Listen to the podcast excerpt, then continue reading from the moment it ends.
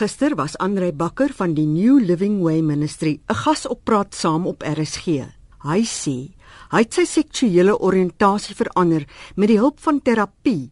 Vir my was vertel ek is so gebore ek kan nie verander nie. Daai goed het ek geglo, maar die Gees van God het nooit ophou praat met my. Ek kon nooit daarmee vrede maak. En te midde van die feit dat uh, ou daaroor bid, ek kan daarmee identifiseer, die bid, die hoop, die môre is dit anderster en hoop vir 'n oornag verlossing en môreoggend as ek opstaan is niks meer daar nie. Op 'n punt het ek net gekom, moes ek vir die Here vra, Here, praat U met my oor hierdie saak want ek moet verstaan, is ek so gebore, is ek so gelaat staan, kan ek verander, kan ek nie verander nie. Hy sê die Here het toe met hom 'n pad begin loop. Deel van my pad was terapie en ek het 'n letterlike pad van 4 jaar met terapie met 'n persoon van Amerika geloop. En verandering het sistematies oor 'n tydperk begin verander. Dit het so verander dat ek gevoelens vir die teenoorgestelde geslag ontwikkel het, dat ek identiteit verander het, dat ek nie my identifiseer daarmee nie. Maar Andrei Becker gee toe dat dit nie 'n pad is vir almal nie.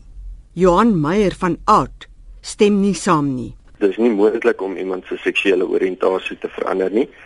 Al hoe meer bewys die navorsing dat mense so gebore is en waar mense werklik homoseksuele oriëntasie het, kan hulle getuig daarvan dat hulle al van kleins af geweet het of dit nou bewuslik was of miskien onbewuslik party mense onderdruk dit en is nie heeltemal bewus daarvan nie maar as hulle later in hulle lewe dan tot hulle self erken dat hulle wel homoseksueel is dan kan hulle insidente onthou uit hulle kinderdae uit Tog is die saak volgens Johan Meyer nie wit en swart nie. Waar mense beweer dat hulle hulle oriëntasie verander is, dit miskien 'n geval waar iemand se seksualiteit dalk vloeibaar is. Daar is 'n term wat gebruik word in die wetenskap wat praat van sexual fluidity dat die persoon dalk miskien op 'n punt in sy lewe die vloeibaarheid na die een kant toe geneig het en dan nou later wel die persoon dan net bewus geraak het daarvan dat hulle eintlik aan die ander kant van die lyn staan. Meyer verwys na die Amerikaanse professor Alfred Kinsey wat 50 jaar gelede die hetero-homoseksuele metingsskaal ontwikkel het. Hierdie skaal gaan van 0 tot 6.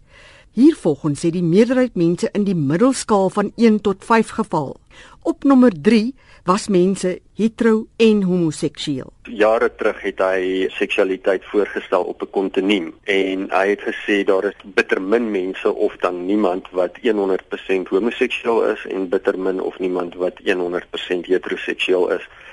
Miskien is dit iemand wat bitter naby aan die snypunt lê wat dalk dan nou wel kan beweer dat hulle oriëntasie verander het. Maar 'n persoon wat regtig homoseksueel is, se uh, oriëntasie kan nie verander word nie. Dit het duidelik na vore gekom in die program op Praat Saam dat bykans al die godsdienste in die wêreld homoseksualiteit veroordeel. Volgens Meyer is daar 'n paar tekste in die Bybel wat oor die jare so geïnterpreteer is. Dit is ook so vertaal dat die Bybel homoseksualiteit verwerp. As 'n mens 'n baie nou studie gaan maak van die konteks waarbinne daai spesifieke tekste staan, dan wys die konteks vir 'n mens dit waar dit aangespreek word in die Bybel is dit binne die konteks van molestering, binne die konteks van vernedering, binne die konteks van verkrachting en dit word afgewys. Maar 'n liefdevolle verhouding tussen twee persone van dieselfde geslag word nie regtig in daardie kontekste aangespreek nie. Dis so ek glo dat dit meer kom op 'n verkeerde interpretasie van die skrif. Een werklikheid wat moeilik is om te regverdig, volgens Meyer, is die geestelike skade wat gay mense aangedoen word omdat die samelewing hulle verwerp. Hy sê dit is 'n diep seer. Mense uiteindelik verwerp hulle self as gevolg van die verwerping van die samelewing en dan spesifiek van gelowiges en dan die kerk. Dit lei tot selfhaat, dit lei tot selfveragting, dit lei daartoe dat mense probeer om te verander en dat hulle regtig dit doen met 'n opregtheid in hulle harte en dan as hulle dan op 'n dag agterkom maar hulle verander dan nou nie dan kom hulle tot die slotsom dat hulle nie goed genoeg is vir God en vir die kerk en vir gelowiges nie. En dan kan dit ook wees dat sulke mense dan hulle geloof verwerp. Johan Meyer is in beheer van gesondheid by AT, 'n organisasie wat hom beywer vir die regte van gays.